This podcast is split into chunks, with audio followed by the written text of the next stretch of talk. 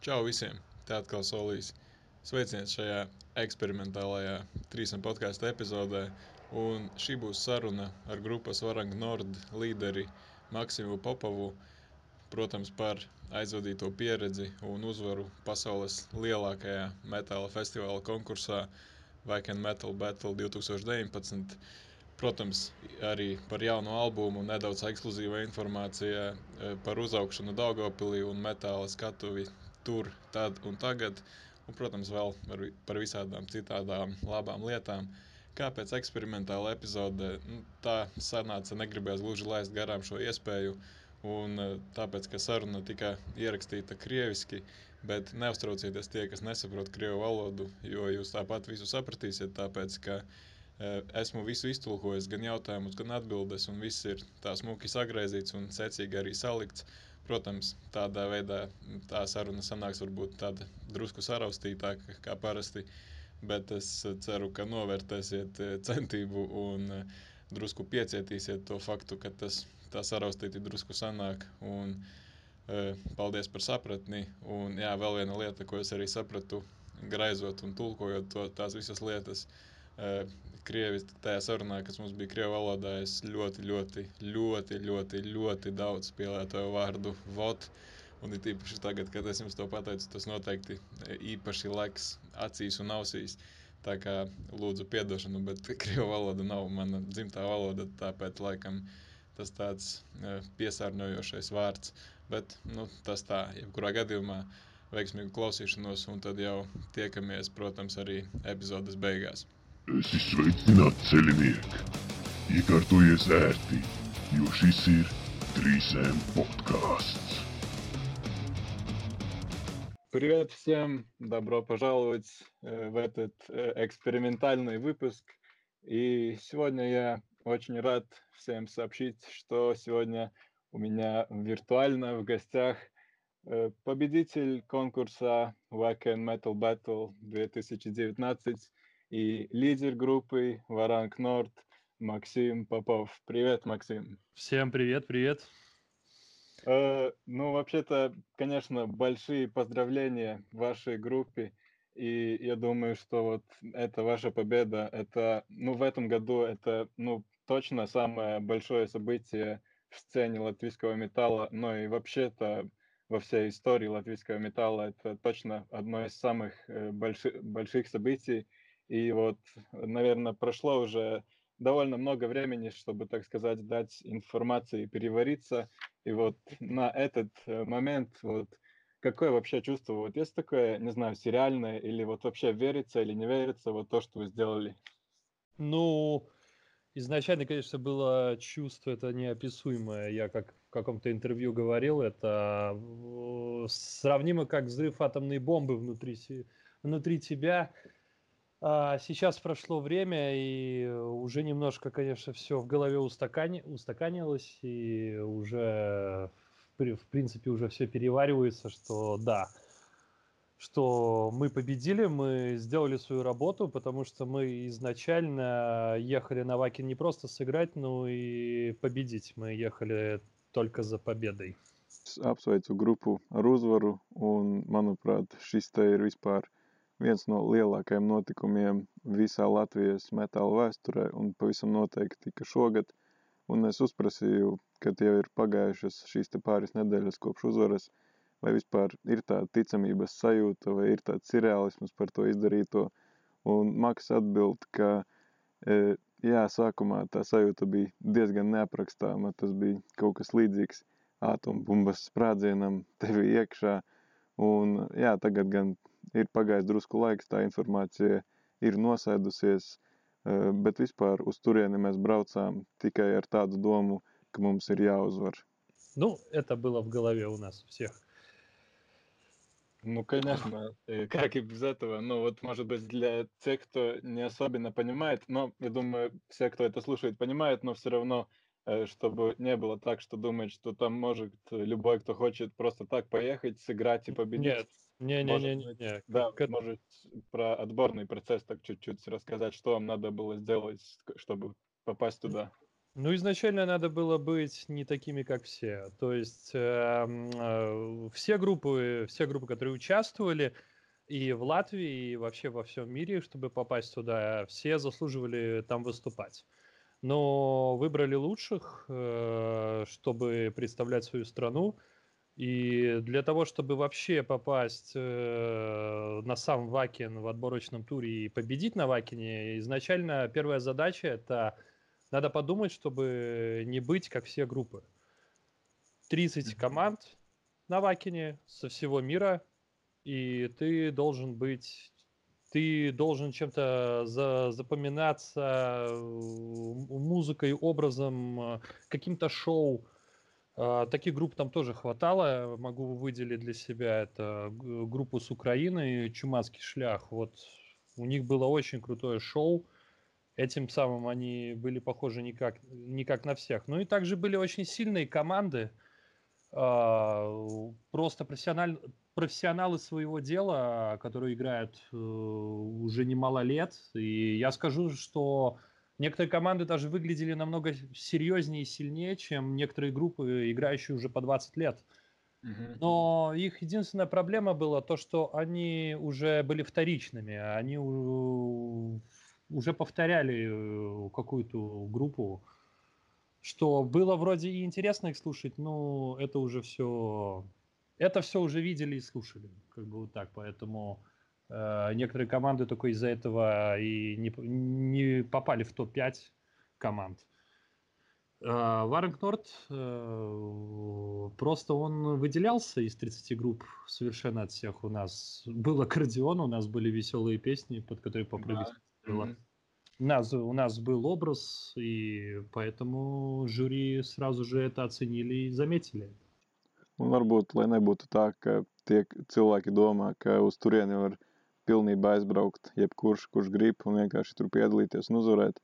Varbūt arī nedaudz arī pastāstīt par šo te atlases procesu. Un Maks atbild, ka, jā, protams, ka viss nav tik vienkārši.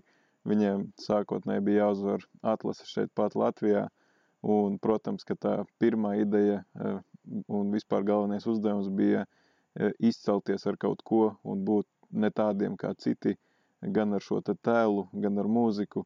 Un eh, personīgi es, viņš izceļ arī grupu no Ukrainas, kas ļoti viņam patika. Un vispār visi bija savas lietas profesionāļi un izskatījās pat labāk varbūt nekā dažas, tā teikt, pēdiņās īstās grupas, kas jau uh, vairāk kā 20 gadus spēlē, un citas grupas arī bija ļoti labas, bet tā problēma viņām bija, ka viņām jau bija tāda atkārtota ideja, kas kaut kas, kas kaut kur jau ir redzēts vai dzirdēts, varbūt tieši tas liedza šīm группам iekļūt топ-5.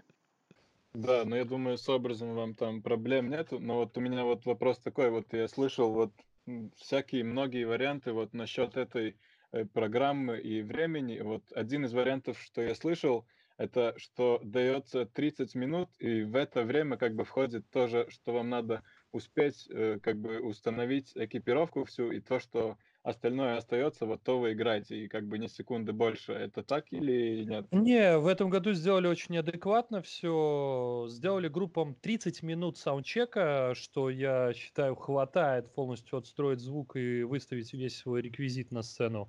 И 30 минут выступления, то есть на группу давался час в этом году. Когда в 2016 году ездила группа Proternetinal с Риги, им давали 10 минут на саундчек и 20 минут выступать. Ну, вот это немножко э, ди- дикие такие, конечно, рамки ставят такое время, потому что за 10 минут ты ну, толком ничего не успеваешь сделать. Угу. Поэтому в этом году Варенкнорду очень повезло со то временем. и получается, что если было 30 команд, то это, ну, два дня все проходило, да? Три дня. Три дня а. был а, конкурс Вакин Metal Battle проходил, да. И вот э, как бы другая программа, ну, я имею в виду, вот во время конкурса там, например, ну, в других сценах, сценах там какие-то кон- концерты тоже происходили или вся Конечно, э, вся там публика? же 8, 8 э, сцен, если я не ошибаюсь, там 7-8 сцен, и угу. на каждой из сцен проходит какой-то чей-то концерт. Больших групп, поменьше, И в это время проходит Вакин Metal Battle. Ну, там очень много людей. Э, если по билетам там 85 тысяч, то если брать общую, ну, приглашенных и плюсов, э, работников там около 110 тысяч человек, и ты представляешь, что э, кто там все могут послушать, на всех сценах будет по полный зал народа. Неважно, не сколько в, в, в этот момент играет группа мы когда играли, был полный зал. А, а во время нас играла эта группа Airburn, это с, с, Австрии, с Австралии, если не ошибаюсь. Mm-hmm. И э, кто хотел послушать Ваки, э, Wacken Metal Battle, тот пришел послушать Wacken Metal Battle. Ну, я общался там с многими людьми. Э, мне рассказали, что приезжают на Вакин именно не послушать хедлайнеров, а послушать именно новые команды на Вакин Metal Battle. Потому mm-hmm. что им нравится группа, она пока начинающая, пока свежая кровь, они себя выжимают просто все на сцене. А, знаешь, когда группа еще хочет, ну, заявить о себе, показать это, это, это молодая кровь, она совсем все да, другая. Да. Когда ты уже смотришь группу побольше, но ты уже понимаешь, что это уже деды, они уже немножко подустали от этого всего. Круто, но свежая кровь, она свежая кровь. Ты сам понимаешь, что группы из себя все выжимают, чтобы запомниться и жюри, и, и зрителям. Es esmu dzirdējis īstenībā pat vairākas versijas par šo te uzstāšanās formātu šajā te konkursā, un viena no versijām bija tāda, ka grupai tiek dotas 30 minūtes, un tajā laikā kā jums ir jāpaspēj gan uzstādīt visus ekipējumus, jeb tā saucamais soundchecks, un tad vispārējais, kas paliek, nu tad tas ir jums uz spēlēšanu un ne sekundi ilgāk. Vai tā ir taisnība? Un Maks atbild, ka nē, šogad gan e, viss bija drusku foršāk un pārdomātāk tādā ziņā, ka e, grupai tika dotas 30 minūtes uz šo te soundchecku un 30 minūtes uz uzstāšanos, bet, piemēram, 2016. gadā, kad no Rīgas brauca grupa Preternatural, tad viņiem bija tikai 10 minūtes uz soundchecku un 20 minūtes uz spēlēšanu, kas ir diezgan skarbs formāts. Un es arī uzprasīju, tad, cik ilgi tad ilga šis konkurss kopumā, un konkurss ilga kopumā trīs dienas. Jautāju ar to, kā šī konkursa laikā ir ar pārējo festivālu programmu vai tajā pašā laikā notiek kaut kas arī uz citām skatuvēm, un Maks atbild, jā, protams, ka tajā pat laikā tur jau ir vai septiņas vai pat astoņas e, skatuves, uz kurām arī visu laiku notiek visādi koncerti. E, viņa prāt, e, tajā laikā, kad uzstājās viņi, tad arī paralēli uzstājās grupa no Austrālijas vai no Austrijas Airborne, un vispār šis cilvēku skaits tīri pēc biļetēm laikam ir 85 tūkstoši, bet tā pa lielam kopumā tur ir varētu būt apmēram 110 tūkstoši, tā kā visas skatuves principā vienmēr ir apmeklētas. Un viņš arī runāja vispār arī ar cilvēkiem, un tā lielākā daļa īstenībā brauc speciāli uz šo konkursu, lai redzētu šīs jaunās grupas, jo dažreiz tas ir varbūt pat interesantāk e, nekā jau ilgas un pieredzējušas grupas. Tādā ziņā, protams, ka atdeve ir pavisam savādāka šīs te svaigās asinīs izsalkušie vilki priekšnesumi grupa sevi grib pierādīt, un tie priekšnesumi ir daudz savādāki, un tā teikt, noķert grupu tajā viņu augšanas периода, tas ir varbūt daudz интересантāk. И вот насчет жюри, вот как там все было, кто это все судил? А судили 30 человек, то есть это все промоутеры с 30 стран, Угу. А, а, то есть эм, э, вот от, от Латвии ехал человек, ну и также от каждой страны ехал человек. Э, они не могли только голосовать за свою группу. Угу. У них в руках был специальный протокол.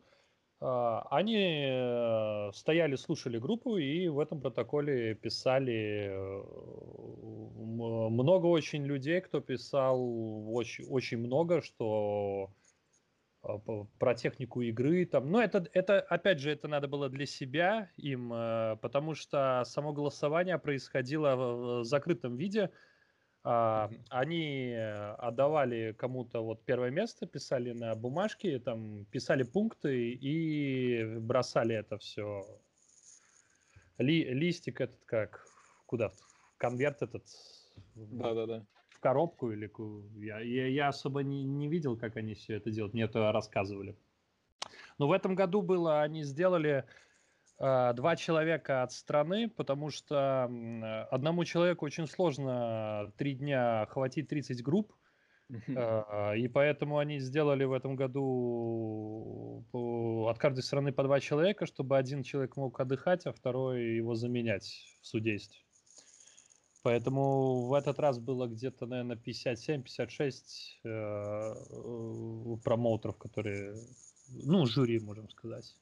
Угу. И получается, вот, вот вы делаете этот саундчек, и вот вся толпа просто стоит и см- смотрит на вас, как вы это делаете? Не, во время саундчека я заметил, э, все люди выходили, потому что мы играли на History Stage, а она была крытая сцена, то есть, ну, а, это, это была как палатка закрытая, большая, на где-то на человек 2000, примерно так. Uh-huh. А, во время саундчека люди уходили подышать свежим воздухом, там, попить пиво. Но они еще классно сделали, то есть э, забивался зал 2000 человек, когда вот начинается интро играть. Они установили большой экран за палаткой и концертное оборудование полностью колонки перед. Угу. А, э, те, кто не попал в палатку, потому что там ограничение э, число людей могло только находиться, они могли насладиться спокойно концертом, э, сидя на поле или стоя там кому как удобно, смотря на экран, ну, профессиональную съемку DVD, и также звук шел точно такой же, как и было внутри палатки. А и потом вот это ваше выступление, она будет доступна в полной да, да, да, да, да, да. Мне очень понравилось, э, что после выступления вышла тетя уже с флешкой нашего DVD э, концертного uh-huh. с, э, с документами. Мы подписали документы о том, что мы можем выкупить права у Вакина. На лицензию использования этого DVD. Ну, вот сейчас идут переговоры Сейчас мы выкупим э, лицензию, и мы сразу же выступи, выставим наш концерт. Es pajautāju, kā tad īsti bija ar žūriju, kas to visu vērtē, un Maks atbild, ka no visām 30 valstīm, kas piedalās, attiecīgi brauc arī šie te promoteri visādi, kas arī e, strādā kā žūrija, un šogad gan, lai būtu vieglāk nedaudz, jo viens cilvēks no valsts nevarētu, protams, visas 30 grupas varbūt izturēt, Tad bija e, kopā kādi 57 cilvēki apmēram, plus mīnus no katras valsts pa divi cilvēki. Un tad, attiecīgi, pēc speciāla protokola viņi paši tur to visu vērtē. Un tad, attiecīgi, protams, balsošana notiek e, tā teikt zem aiz aizslēgtām durvīm, kur viņi tur visus tos punktus saraksta kaut kā uz konvertiem. Nu, un tad, attiecīgi, tur samet visu, un tad vēlāk, protams, ir viens uzvarētājs. Un vēlāk es arī prasīju, nu, kā tad īsti bija ar to soundcheku, vai tiešām ir tā, ka tās pusstundas laikā cilvēki vienkārši stāv un skatās, bet, nu, nē, tā jau nebija. Tā kā Maks saka, tā uzstāšanās bija e, viņiem tādā speciālā tā kā teltī, noslēgtā pēdiņās zālē, tad cilvēki tomēr izgāja ārā, paelpot svaigu gaisu.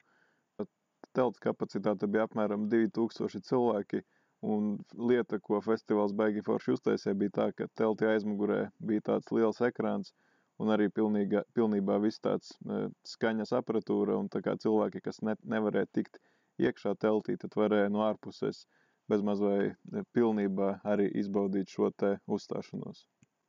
Un vai šo te jūsu uzstāšanos kaut kur arī mēs varēsim redzēt?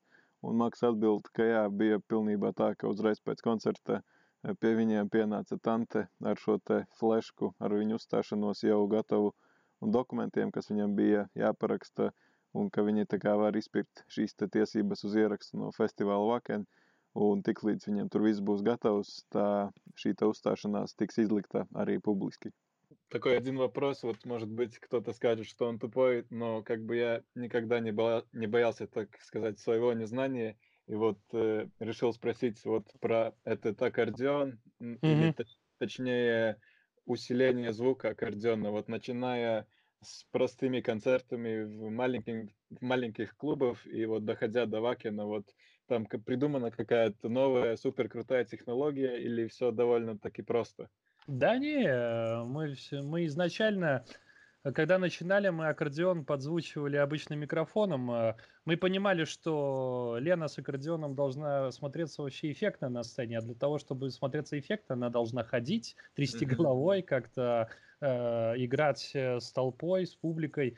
И для этого было решение купить ей беспроводную систему, обычный микрофон, с которым она могла ходить по всему залу и там не знаю, то работать с публикой. Поэтому ничего нового придумано не было. Все по старинке, как мы играем. Besprovодная система и pagāli. Varbūt kādam liksies, ka šis ir stulbs jautājums, bet uh, es tā teiktu, savas neziņas nekad nebaidos un izlēmu arī uzprasīt par šo te akordeonu un konkrētāk akordeona skaņas pastiprināšanu, kā tas viss notiek, vai ir izdomāta kaut kāda jauna super tehnoloģija, kas to visu izdara vai arī viss tiešām ir tik vienkārši, kā varbūt arī liekas. Un Maks atbild, ka jā, nav izdomāta nekāda baigi krūtā tehnoloģija, ka e, principā sākotnēji tika pastiprināšanai izmantots parastais mikrofons, bet tā kā, lai panāktu to, e, ka Lenovs skatos izskatās arī efektīvi un arī iesaistās ar publiku, tad e, tika nopirkts tāds bezvadu mikrofons arī, kas tiek piestiprināts akordeonam, tad, attiecīgi, protams, tā система ir diezgan vienkārša. Ну, если можешь нас, так сказать, впустить в свою голову и вот э, взять нас обратно в прошлое, вот э, на тот момент, когда вот вы там стоите, э, услышали, услышали, что вот объявили второе место, и вот ждете, когда объявит первое, вот было так, что вот э, у тебя такая была война между двумя мыслями. Одна, которая такая скромная, которая так тихо говорит, ну нет, ну что же мы там? И вторая, которая так кричит, да, я знаю, что это мы. Mm. Начинали объявлять uh, с, пятой, с пятого места до первого места, то есть я, я посмотрел на ребят, посмотрел на себя, все стоят с закрытыми глазами. Это объявили пятую группу, объявили четвертую, третью. Ну, ты мы, мы примерно представляли, что мы будем в топ-5, э, так по оценке э, со стороны там и жюри, как, но mm-hmm. мы не, пред, ну, не представляли, что это будет первое место, хотя очень хотелось. И опять же говорю, я бы очень расстроился, честно говоря, если это было бы третье, второе, четвертое, там, хоть это и топовые места, но я повторюсь, что я туда ехал только за первым местом. Вот. Это у меня засело в голове страшно, что я ехал только за победой, как и все остальные. И поэтому, когда там еще эм, все, кто это объявлял, да, было два ведущих, они еще так все это тянули резину специально. Ну и они вот так между собой говорят, вот уже дошли до первого места, он говорит, ну, ну это группа с Европы. Но мы уже так вздохнули, ну, ну уже близко, навер- наверное. И наш друг сказал, ну что, ребята, или первое место, или ничего, и у тебя внутри, я не знаю, это все горит, все полыхает. Я вижу, что Вячеслав, это наш перкуссионист, эм, закрыл глаза, стоит. Я тоже от испуга, честно говоря, закрыл глаза, и когда они назвали Латвия Варанг Норт, это, это это не объяснить. Это Елена, наша аккордеонистка, она просто заплакала, сразу же хны, э, хлынули слезы, и у, у меня это просто был взрыв эмоций, говорю, как будто во мне это, какая-то бомба взорвалась. Я, mm-hmm. я просто в шоке был. Когда я стоял на самой сцене уже, э, когда нам вручали призы, была пресса, честно, я чуть не потерял сознание. Я почувствовал такой жар, э, там меня столько нахлынуло эмоций, я, у меня аж в глазах потемнело, я, я, я не могу объяснить, это у меня впервые такое, когда, когда происходит подобное. Когда ты очень хочешь э, чего-то достигнуть, э, идешь к этому очень долгое время, и когда у тебя получилось, это, это, это, это даже не объяснить словами, честно говоря. Es palūdzu Maksam, lai viņš mūs, tā teikt, ielaiž savā galvā un at, paņem mūs atpakaļ pagātnē uz to brīdi, kad notiek šī rezultātu paziņošana. Un vai bija tā, ka pirms pirmās vietas paziņošanas viņam prātā bija tāds karš starp divām domām. Viena, kas tā klusi un pieticīgi saka, nu nē, ko gan mēs tur, un otra, kura tā skaļi kliedz, jā, protams, es zinu, ka tie esam mēs. Un Maks atbild, ka tā paziņošana rezultātu notika no paziņo no 5. līdz 1. vietai, un kad eh, sauc tās visas vietas, tad eh, viņam, viņam bija tāds priekšstats pēc tā, pēc tā atsauksmēm un tā skatītāja novērtējuma, ka viņa principā būs top 5. Eh, un kā jau viņš teica, pirms tam viņi brauca tikai ar vienu domu uzvarēt, bet, protams, bija tāda varbūt drusku tāda neticības mazliet sajūta, un tajā brīdī kad paziņoja otro vietu, un tad tie vadītāji tā sāka vilkt, protams, apzināti laiku, un tā sākumā pateica, nu jā, tā ir grupa no Eiropas, tad tajā brīdī grupas draugs saka, nu ko, tagad vai nu uzvara, vai nu nekas, un tad Vjačeslavs, viņu perkusionists, Maks skatās, kas stāv ar aizvērtām acīm, un viņš pats tā kā tā no bailēm un uztraukuma aizver acis, un kad šie te vadītāji saka, ka grupa no Latvijas, Varanga Nord, nu tad tajā brīdī šis te atombumbas sprādziens iekšienē, nenormāls vienkārši emociju uzplūdums, e, grupas akordioniste Jeļena pat izplūda asarās, un e, tajā brīdī uz skatuves stāvot, e, Maks saka, ka pat tiešām bija tāds emociju uzplūdums, ka viņam pat tā bezmazliet pirmo reizi dzīvē pilnībā tā gandrīz pat noģība, ka diezgan satums bez mazvai acis un, un tiešām, nu to vārdos, protams, nevar tā noraksturot un uh, tas pavisam noteikti ir arī saprotams, un kad tu tiešām tik ļoti strādā un ne uz kaut ko, un kad to beidzot sasniedz, tad tā sajūta ir neaprakstāma un neliela piezīme, ka tiešām grupai šogad tikai palika pieci gadi, tā kā piecu gadu laikā šis te ir vienkārši fenomenāls sasniegums. на это я понимаю, но вот я даже сейчас сижу и улыбаюсь, даже вот представляю как бы перед глазами это все. И mm. Вот э, смотрел одно интервью перед еще вашим выступлением. Если правильно помню, то вот э, ваш барабанщик говорил, что вот у вас такие три э, главные пункта, что надо выполнить. Первое – это хорошо сыграть, что вы, конечно, сделали. И еще было по полной оторваться и напиться. Как получилось это выполнить, эти пункты? Конечно, конечно. А, э, эти пункты были выполнены сразу же после победы. Естественно, не, ну, не сразу же, конечно, потому что нас ждал за первое место сразу же второй, второй концерт э, на Вакине, на средней сцене Westland э, был слот, э, что победители Wacken Metal Battle должны в 10 часов там выступать, полный сет, угу. э, 45 минут, и поэтому мы себе не могли позволить там напиться, но после нашего второго концерта на Вакине мы принялись это все дело, конечно, отмечать. И вот вообще, как фестиваль там получилось, побалдеть, посмотреть какие-то там большие группы. Вообще, кто был там? Ой, ну, ну конечно. Ну, во-первых, э, Slayer давал свое последнее шоу в Германии э, с последним туром. Угу. Больше всего заполнилось это, конечно, Мишуга со своим шоу, светошоу, там, Э, очень много команд, очень много команд. Честно говоря, даже и все, э, все не обходишь, потому что сцен очень много, расстояние не маленькое, Вакен очень огромный фестиваль, очень огромный. Mm-hmm. А, хотел попасть на группу Cradle of Filth, но из-за грозы отменили их выступление, перенесли на 9 часов вечера на другую сцену, я, к сожалению, не попал. mm ну, mm. в принципе, всех, кого хотел я так очень сильно увидеть, я увидел. Это Сабатон давали 20 лет своему шоу, там, дву, на двух сценах, фаер-шоу. Ну, Вакин, Вакин делает вообще для каждой группы индивидуальное, особенно шоу, на котором ты на других фестивалях просто не увидишь, потому что Вакин один из самых крупных фестивалей, которые могут себе это позволить.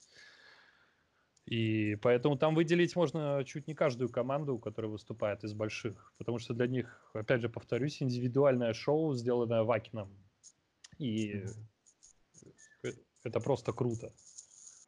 Vienā no intervijām, vēl pirms jūsu uzstāšanās vakarā, dzirdēju, ka jūsu bundzinieks teica, ka principā jums ir trīs galvenie punkti, kas jāizpilda. Pirmais tas ir labi nospēlēt, ko jūs, protams, arī izdarījāt.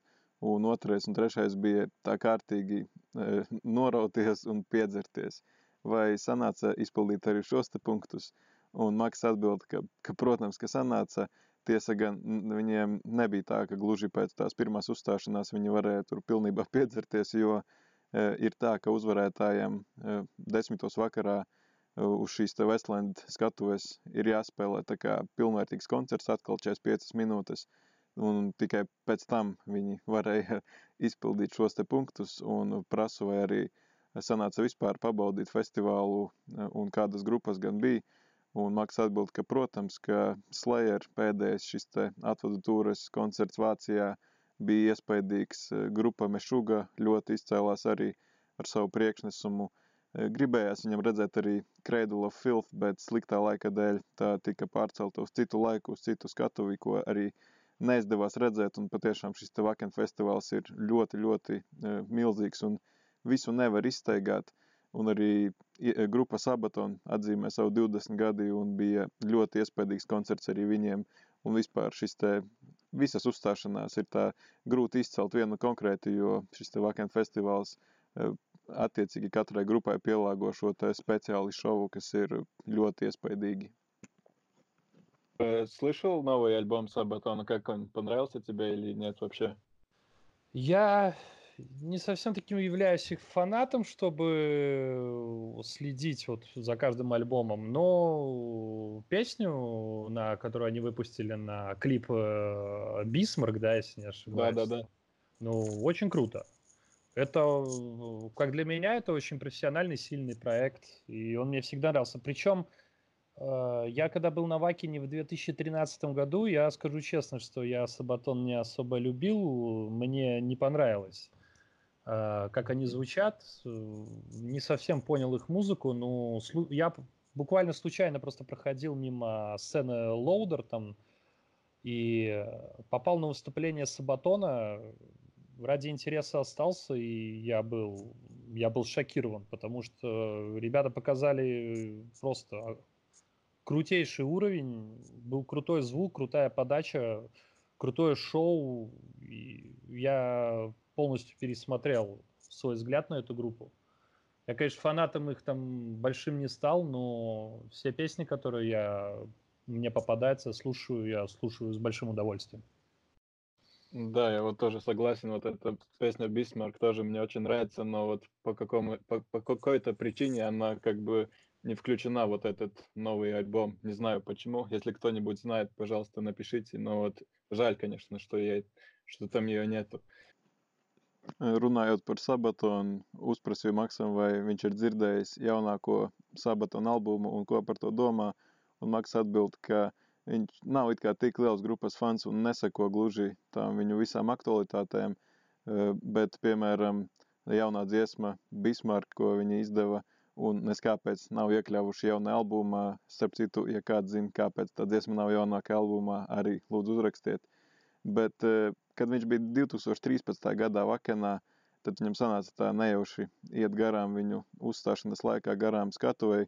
Un tajā brīdī viņam arī tā grupa nepārāk patika, bet tīri intereses pēc viņš izdomāja tur palikt.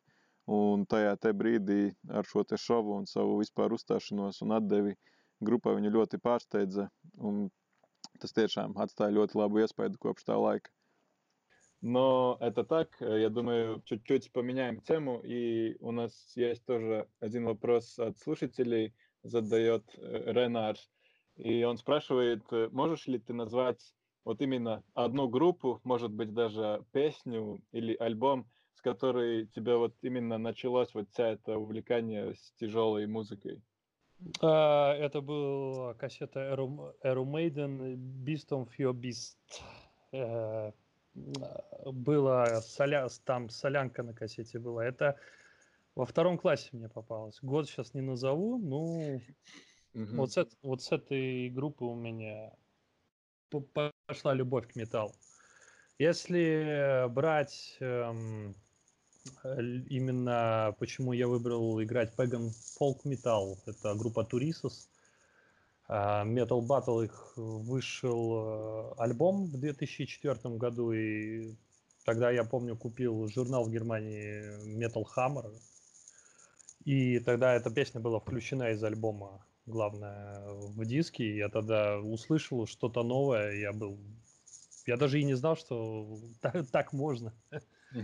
Они, тоже использовали скрипку, аккордеон, вернее, не аккордеон, а баян, ну, Конечно, Лена очень сильно ругается, говорит, что у них большая разница, а по мне так там разница-то не особо, что у, у одного клавиши, у второго кнопки, а по, по сути, как для меня инструмент почти один и тот же. Ну, вот оттуда пошла вся, можно сказать, любовь. Nedaudz varbūt tagad pamainīsim tēmu, un mums ir arī viens jautājums no klausītājiem, ko uzdot Renārs. Uh, Un vai prasīju Maksam, vai varbūt vari nosaukt šo te kādu vienu grupu vai varbūt pat dziesmu un albumu, ar kuru sākās visa šī aizraušanās ar smago mūziku. Un Maks tiešām atbild, jā, ka mm, precīzi atcerās, ka tā bija otrajā klasē šī Iron Maiden kompilācijas kasete, ar kuru tas viss sākās.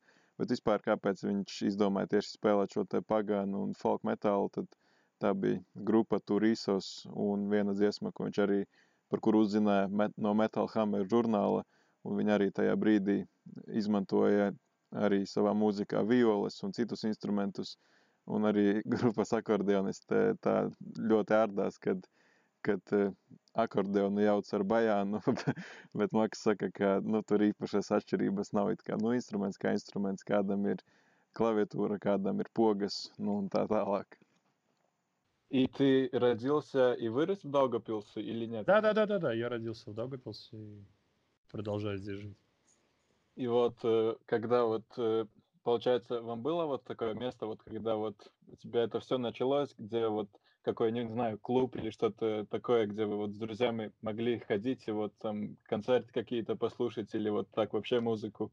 Да-да-да, у нас раз в месяц проходил э, концерт рок-концерт э, под названием Chemical Reactions. Все это проходило в ДКХ. У нас э, в местном на больших сценах приезжало много групп из Литвы, из Риги. И вот мы с друзьями ходили раз в месяц на эти концерты. А потом уже и начали выступать на них с 2005 года. Я со своей первой группой. И вот когда вы ходили вот на эти, эти концерты, вот именно в Даугапилсе, были какие-то вот э, местные ребята, какие-то группы, вот на которых вы смотрели и думали, вот это крутые пацаны, я тоже так хочу когда-нибудь? Конечно, конечно. Я даже скажу, что это за группа. Это была группа Disease. Это Тогда мне было 15 лет, я на них смотрел уже как на звезд, и я думал, это ничего себе, какие вообще, ну, у нас в городе есть такие вообще крупные команды. Там. Потом я, конечно, с Пашей познакомился, вырос, и взгляд уже по-другому ну, на них ляг. Ну, поначалу я помню, это пер первые такие переживания, когда ты видишь, нифига себе, то есть, ну, что у нас имеются такие крупные команды. Prasīju Maksam, vai viņš ir uzaudzis, dzimis un uzaudzis Daugavpilī, un atbilde bija jā. Un man bija interesanti, vai tajā brīdī, kad uh, viņš uzauga, vai viņiem ar draugiem bija tāda vieta, uz kuru viņi varēja tā regulāri iet un klausīties uh, šos smagās mūzikas koncertus vai vispār mūziku.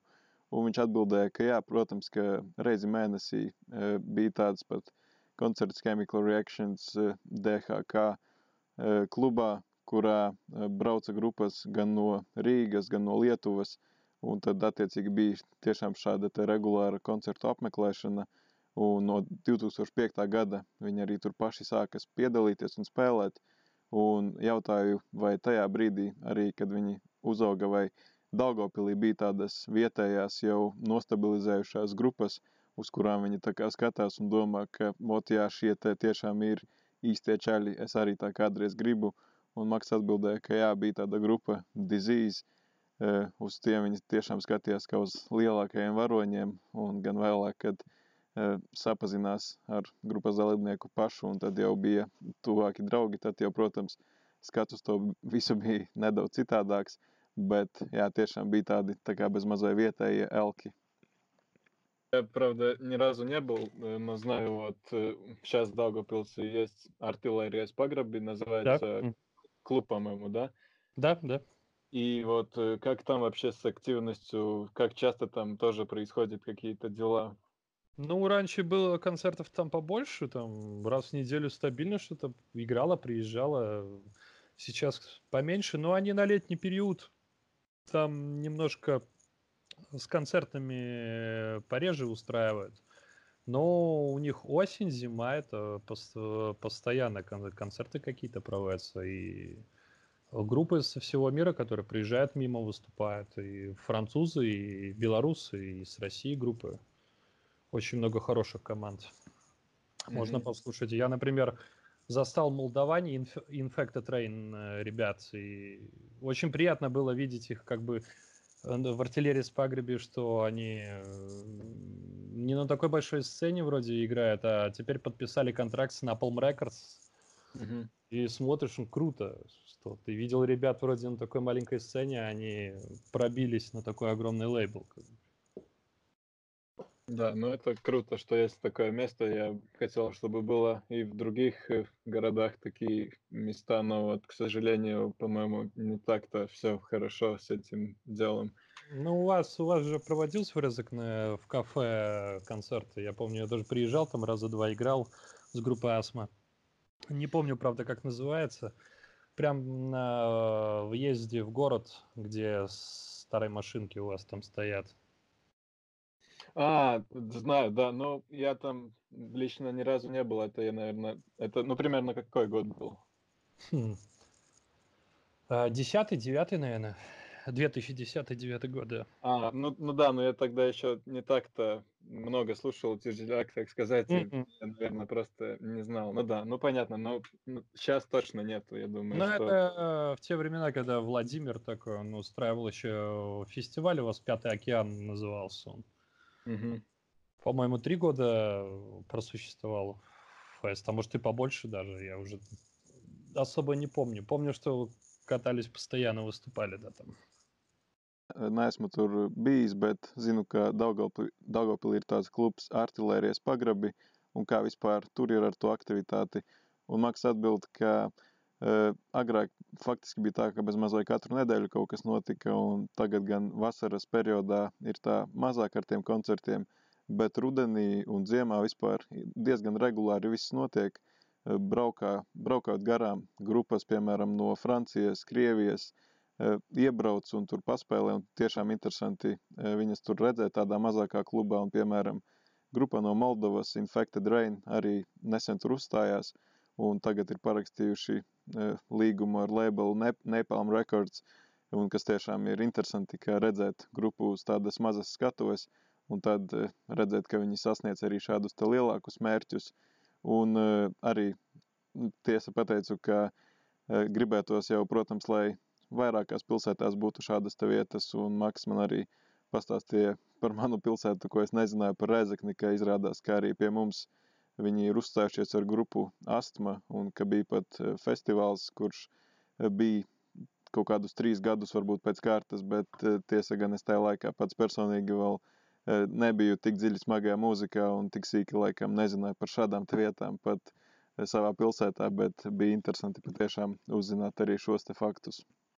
Ну да. Ну вот еще вот про Даугавпилс вот просто пришло вот в голову, это как вообще не связано с музыкой, но вот просто вспомнил раньше, когда с футбольной командой мы ездили в Даугавпилс, то это был такой ритуал, когда вот мы едем э, через этот э, большой мост и едем мимо этой, как его, тюрьма Белый лебедь Белые лебеди, да-да-да. что мы всегда как бы в окно им махали, и они все время нам махали как бы обратно, и это было так, ну так чуть-чуть, как сказать, ну грустно. И вот если ты вырос в я вот хотел спросить, э, вот есть у тебя ли какие-то, не знаю, истории, страшилки, связанные с этим местом, когда вот ты был там маленький? Совершенно никаких, потому что я жил э, рядом с этой тюрьмой в, в районе Гаек. Поэтому я вырос там, ничего страшного, ничего страшного там не было, поэтому даже и рассказать мне нечего было. Я собаку выгуливал под этой тюрьмой постоянно. Поэтому даже, даже сложно сказать.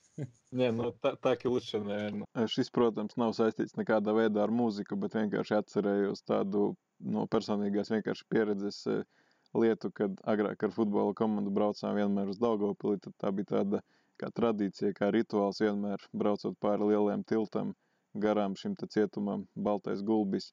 Vienmēr mēs tā kā mājām šiem te cietumniekiem un viņi mums vienmēr arī māja pretī un prasīju Maksam, vai varbūt viņam ir kaut kādi šausmu stāsti saistīti ar šo vietu, ņemot vērā, ka viņš tur ir uzaudzis. Un viņš atbild, ka īstenībā principā nekādu, par spīti tam, ka viņš dzīvoja faktiski blakus šim cietumam, eh, un pat mēdza tur suni eh, vest pastaigās, ar šo vietu viņam nav nekādu stāstu. Un īstenībā laikam jau labi vien ir, ka nav, jo būtu diezgan bēdīgi laikam uh, nu, tādas traumatiskas pieredzes ar cietumu laikam nebūtu nekas baigi patīkams. Перейдем еще к одной теме. Это, конечно, грол или вокал металла. Вот Мгм. это вообще вот э, поражает. И вот все, кто думает, что это, ай, они там просто кричат и орут, это все легко, и все так могут. Вот это совсем не так. Вот и ты говорил, что вот ты просто вот сам как бы это научился. Мгм. И вот э, знаешь, я так иногда думаю, вот, например, если я там сижу дома и учусь там, ну, например, ну, гитару электричную, вот Мгм. я там играю там какие-то, не знаю, грязные звуки, там грязные ноты. Ну ладно, вот это другие члены моей семьи, ну они могут это потерпеть, как бы это не страшно. Но вот если бы я начал вот в своей комнате там орать или там такие вещи делать, ну это, я думаю, даже, не знаю, соседи там бы начали жаловаться и все такое. Вот как у тебя было вот с, с этим делом? Не, ну я тренировался, конечно, не дома, э, чтобы мои соседи немножко не сошли с ума там или мама, папа. Не, я учился, у нас всегда были репетиционные точки, и я оттачивал свой вокал только там. Други- в других местах я понимал, что ну, это, э, это большая дикость. Ну, хотя, честно говоря, когда к альбому какому-то готовишься, и тебе надо э, выучить там слова, и тогда делаешь какие-то исключения, но также понимаешь, что дома ты не можешь полноценно этим это делать. Это надо спе- специальные ре- репетиционные базы, где ты можешь работать над этим. И, например, сколько лет э, тебе было, когда вот это начал пробовать вообще вот гроул? А, э, ту-ту-ту-ту. 16 лет мне было, когда я начал уже что-то пробовать. Но опять же, насколько я все делал это правильно, я уверен, что неправильно, потому что я все это делал сам, инту- как интуиция мне подсказывала, так я и так я и делал. М, Я бы не сказал, что мне там совсем грол был в первых группах, там такой скрим харш такой. э. Сейчас это, когда я собрал группу Варанг Норт, я уже перешел на чистый гроулинг. И я не могу сказать, что мне все получалось с первого раза сразу же, то есть постепенно, постепенно э, начинаешь немножко понимать, как, как это все работает, как это все устроено, и начинаешь э, оттачивать тогда мастерство своего вокала. Ну, это как и с гитарой, опять же. Начинаешь, берешь гитару, играешь медленно и грязно, а потом все лучше, лучше и лучше. То есть Мгм. вокал это же тот же ин- инструмент, да, ты сразу же не запоешь, это надо какие-то навыки. Nedaudz atkal mainot tēmu un parunāsim par metāla vokāliem, par šo te grolu. Eh, Kā īstenībā bija, jo, piemēram, man liekas, ja es mājās tur mācos, piemēram, ģitāru spēlēt, un tur netīras skaņas, un tur greizas notis skan, nu tad ģimenes locekļi, nu to viņi var paciest, nu tas nav nekas traks. Bet, ja, piemēram, es tur sāktu bļaut un kliegt savā istabā un tur visādas skaņas izdvest, nu tas jau būtu drusku dīvaini, varbūt pat kaimiņi sūdzētos, un kā tev bija šajā te gadījumā. Un Maks atbild, nu, ka jā, protams, ka mājās tas būtu pat traku, ka viņš, viņam bija speciāls kā treniņu mēģinājumu vietas, kur viņš to visu arī apguva un eh, prasīju, cik gados viņš ar šo te aizrāvās un atbildēja, ka 16 gados Un, protams, ka sākumā tas viss varbūt nebija tur tāds perfektais grols, kaut kas vairāk uz tādu uh, var, varbūt skarbāko kliekšanu vienkārši, un tad jau vēlāk tas viss aizgāja. Un, protams, nav tā, ka viss no sākuma sanāk, bet tā kā es visu mācījos pats, tad, tad protams, ka, lai cik pareizi tas arī bija, noteikti, ka kaut kas arī bija nepareizi, bet jā, to vienkārši jātrenējas un jātrenējas. Protams, nav tā, ka tu vienkārši то сакси дарить супер pareizi no paša sākuma.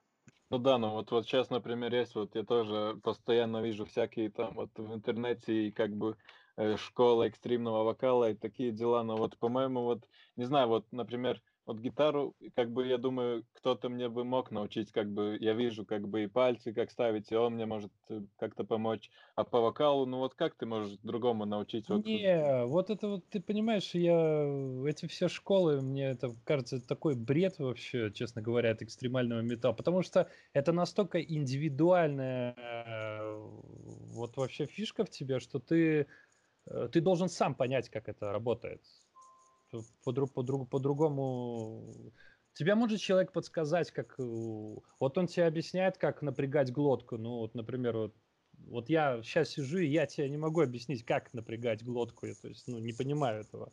Также, ну, да. я думаю, как и ты сидишь, и вот как, как ее напрягать. Ну, ты просто это... Просто пробуешь сам, ищешь для себя, как это делается, и ну, может, кому-то помогает, честно говоря. Я не общался с людьми, которые учились видео, видеоуроки там по экстремальному вокалу. Может, на самом деле кто-то, kому-то это было. Un es vispār pēdējā laikā diezgan bieži arī redzu tur internetā, piemēram, dažādas ekstrēmā vokāla stundas un dažādi video. Bet nezinu, piemēram, man liekas, ka ģitāru man kāds varētu iemācīt, piemēram, parādīt, kā tur likt pirkstus un man palīdzēt. Bet ar to vokālu man liekas, ka viss ir daudz sarežģītāk, jo nu, to ir daudz grūtāk iemācīt.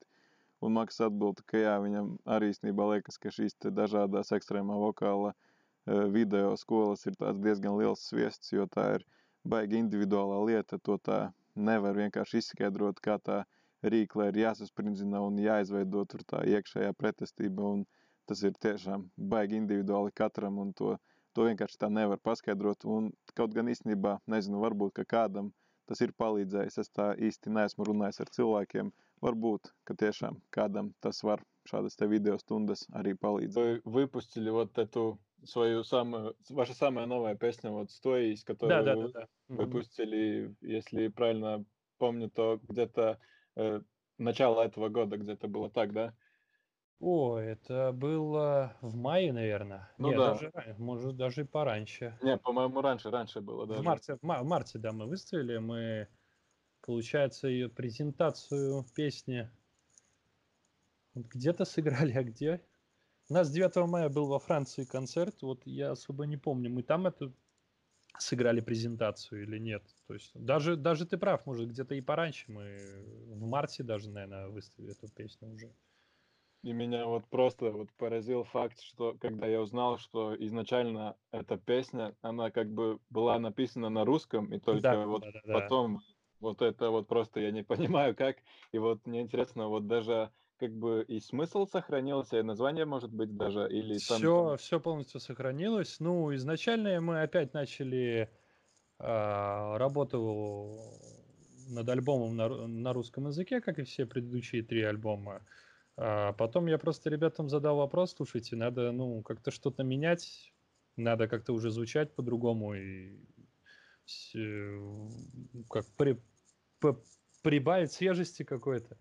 Мгм. И поэтому я пошел на такой, честно говоря, шаг. Я Айгуру обратился, говорю, слушай, Айгур, ну ты же носитель латгальского языка с женой. Это как бы, ну, может, давай попробуем?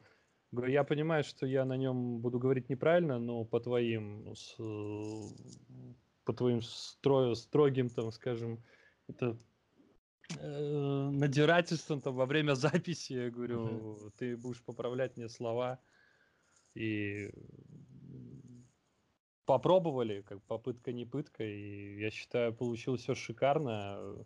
Латгальский оказался просто отличнейший язык для фолк-металла. Появилась какая-то четкость, появилась какая-то грубость даже в голосе.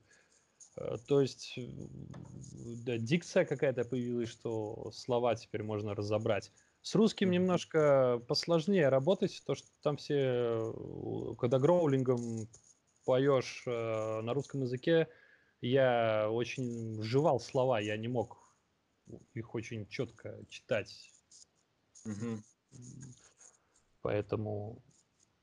Не, песня вообще очень классная, и вот могу сказать, Спасибо. что в моей неофициально официальной призовой церемонии в конце года это точно победит в номинации «Песня года». Мне серьезно вот очень нравится. Спасибо.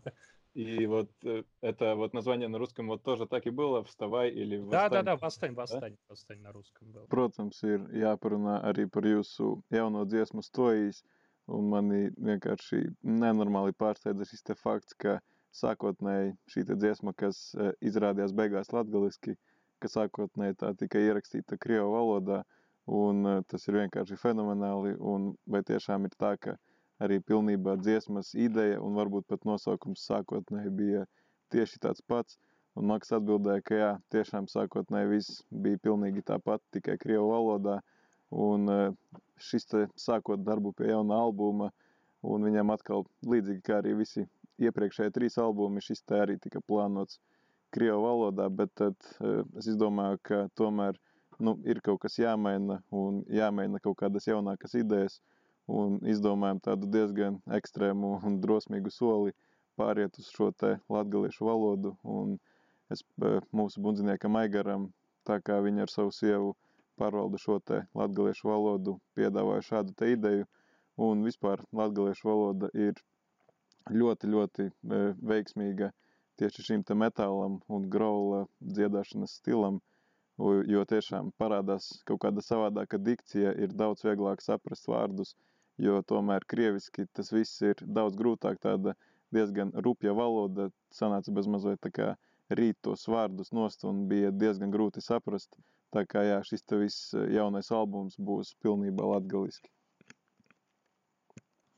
Конечно, пока-то информации про ваш новый альбом не так-то много доступно. Вот знаем, что э, название парки у него Омурс, да, и, да, и будет когда-то или в этом году, в кон, в кон, под, ну, поближе к концу, или э, начало следующего года, да? Ты, ты знаешь, я думал, что мы выпустимся уже в этом году, но чувствую, что мы не успеем. Мы все хотим, мы не хотим торопиться, мы хотим все сделать качественно, правильно, поэтому mm-hmm. я точную дату релиза назвать не могу, но думаю, что это будет следующий год, весна ну, я, я, я бы так хотел, честно говоря. А, альбом полностью выйдет на латгальском языке, и в планах даже сделать а, два диска. А, в первый диск это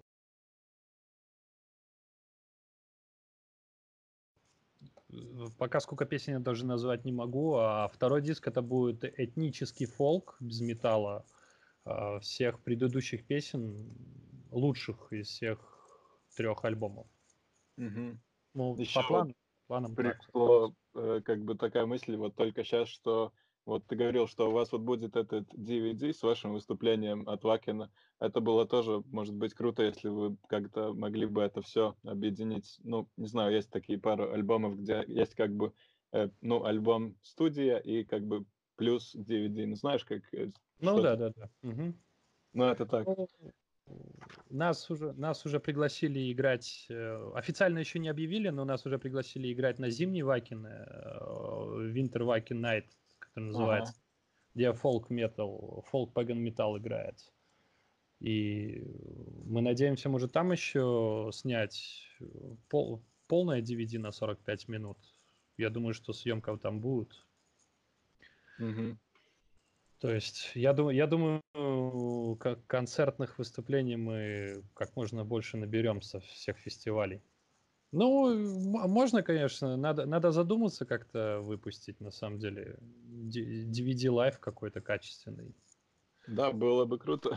Да, да, я, надо, надо об этом думать, это тоже немало работы, надо готовиться к этому. Un pagaidām gan par jūsu jaunu albumu nav pieejams pārāk daudz informācijas. Ir zināms, ka nosaukums būs Pārkļuņa Omurs, un tas iznākšanas datums tā prognozējoši varbūt tuvāk šī gada beigām vai kaut kad eh, nākamā gada sākumā, nu, kā tad tur īsti ir. Nu, jā, ar to albumu ir tā, ka e, tas e, faktiski tagad tikai ir tā kā rakstīšanas procesā un negribētos īstenībā to visu sasteigt, gribētos diezgan kvalitatīvi izstrādāt. Tāpēc gribējās, protams, izlaist šajā gadā, bet visticamāk, ka tas būs kaut kad to nākamā gada sākums, nu, pavasaris gribētos kaut kā, lai sanāktu apmēram ap to laiku. Un mēs esam arī ielūgti uz šo te Vakenes ziemas festivālu, un kurā mums arī visticamāk būs iespēja uzfilmēt pilna garuma DVD, ko arī vēlāk varētu kaut kādā veidā, kaut kādā formātā izdot, bet tas, protams, nav tik vienkārši, jo tur arī ir jāieliek diezgan liels laiks un darbs, lai to visu diezgan презентабли pasniegtu klausītājiem. Еще вопрос вот про новый этот альбом. Э, есть ли вот у нас шанс услышать как бы не только латгальский язык, но именно вот слова, которые связаны вот с Латгалией, там, с Даугавпилсом, не знаю, вот вообще с Латвией? Mm, ну, альбом только пишется, только делается. Я думаю, что да, мы что-то будем добав добавлять и, и наш город, и, и вообще край Латгальский. Это это сто процентов. Просто сейчас я, то, я точно пока еще ничего не могу сказать, потому что альбом только-только делается. Много, много, много чего там будет. И даже э, один белорусский музыкант, очень знаменитый из God's Towers, хочет с нами исполнить песню. И он э, выразил желание исполнить на латгальском языке ее. Ого. Да, да, да. То есть, поэтому я думаю, что альбом получится очень хорош. Un vai šajā te albumā mums būs iespēja dzirdēt ne tikai latgaliešu valodu, bet varbūt arī lirikas, kas ir konkrēti saistītas ar Latgalī, tur konkrēti varbūt Daugavpilī vai Latviju vis, visā visumā. Un Maks atbild, ka e, pagaidām ir grūti kaut ko konkrētu teikt, jo, kā jau teicu, albums tikai e, tiek vēl veidots un rakstīts, bet simtprocentīgi, ka jā, kaut kas tāds būs, un mēs eh, pavisam noteikti kaut kādā veidā eh, šo te latgales pusi iesaistīsim arī liriski. Un vēl tāda lieta, piemēram, varu pateikt, ka ir plāni sadarboties ar kādu ļoti pazīstamu mūziķi no Baltkrievijas, kurš arī piekrita ar mums izpildīt dziesmu latgaliski, tā kā tas arī būs interesanti. Я тоже вот очень жду. И вот э, приблизимся уже к концу, и у меня такой последний, называется, не знаю, как по-русски сказать, но такой быстрый раунд, где я как бы задаю такие быстрые вопросы, и как бы, ну, идея просто как бы не особо не думать. И... Ну, ты, ты, знаешь, ты знаешь, у меня с этим проблем быстро отвечать на вопросы. Не, ну это ничего такого серьезного, это, так сказать, по приколу, так больше быстрые такие вопросы просто. Ну, так, ну посмотрим. Я тебя понял. Давай попробуем. Ну давай, ну вот если у тебя был бы викингский корабль, как бы ты его назвал? Да. А, э, Ванкнорд. Какое твое самое любимое пиво? Пиво? А, любое. Я любое пиво люблю. А, вообще темное. Если вот одно э, вещь, что делать или что посмотреть в Даугавпилсе тем, кто там первый раз, что бы ты порекомендовал? Идти в артиллерию с пагреби и пить пиво, и наслаждаться отличной музыкой. Кто такой хозяин леса и где он живет? Хозяин леса – это дух леса, он, он, он везде, он, это, он защищает наш лес, это, это дух. он, он во всех лесах. Э, пиво без водки это... Это, э, о, это проблема. Пиво только с водкой. Ну и, пос... а, не, еще, э, вот можешь помнить первое слово, которое вошло тебе в голову, когда ты услышал, что вы победили? Можно ругаться. А, можно ругаться? Бля! Это вот такое первое мое слово было в моей голове. Ну и последнее, конечно, э, пожелание всем, кто слушает сейчас. Да, всем хорошего настроения, всем всем удачи. Да всего. Нет, ну ладно, но в любом случае большое спасибо тебе за этот Спасибо. разговор. Было Спасибо, спасибо очень вам. да. интересно. И больших вам успехов. И, как я уже сказал, очень-очень ждем новый альбом. Спасибо. Спасибо вам. Un kā parasti noslēgsim ar ātrā jautājuma raundu, kurā ideja ir, protams, pēc iespējas mazāk domāt un pēc iespējas ātrāk atbildēt uz šiem te tādiem jautājumiem. Un Maks, protams, atbild, ka viņam ar, to, ar šo teātru atbildēšanu ir problemātiski, bet, nu, protams, mēģināsim. Un pirmais jautājums bija, ja viņam būtu vikingu kuģis, kāds būtu tā nosaukums, un tas būtu Varank Nord. Atbildē uz jautājumu viena lieta vai nodarbe, ko viņš ieteiktu cilvēkiem, kas pirmo reizi ir Daugavpilī, tad tā bija noteikti aiziet uz artilērijas pagrabiem, padzert tālu un paklausīties mūziku. Eh, Mīļākais alus konkrēti nav, bet tumšais, eh, kas tas ir meža saimnieks un kur tas dzīvo. Meža saimnieks tas ir meža gars, kurš, eh, kurš sargā mūsu mežus un principā tas atrodas visos mežos. Un eh, šis, te, protams, ir tāds atsauce uz šo te slaveno teicienu, eh, kas ir alus bez vodkas, un viņš atbild, ka tā, protams, ir problēma un ka tas tā neiet cauri. Un vai atceries, kāds bija tavs pirmais vārds, kas ienāca prātā, kad izdzirdējāt jūsu grupas nosaukumu kā konkursa uzvarētāju? Un, protams, ka atbildi jūs jau sapratāt. Un, protams, beigās uh, Maksa novēlējums visiem klausītājiem bija veiksmi, labu garastāvokli un, protams, visu, visu to labāko. Un ar to arī tā mūsu saruna noslēdzās. Uh, ceru, ka uzzinājāt kaut ko jaunu un interesantu. Vēlreiz, jā, sanāca gan tā laikam, ka diezgan saraustīti, bet visi tie, kas joprojām vēl klausās, liels paldies! Un tad arī grupa Varank Nord noteikti kaut kad septembrī, manuprāt, pat divas reizes viņi uzstāsies Rīgā, Melnajā piekdienā. Tā kā noteikti visi, kuriem ir tāda iespēja, pavisam noteikti būtu vērts aiziet un paskatīties un paklausīties uz grupu dzīvajā. Paldies par klausīšanos, un tad domāju, ka tiksimies jau diezgan drīz jaunā epizodē.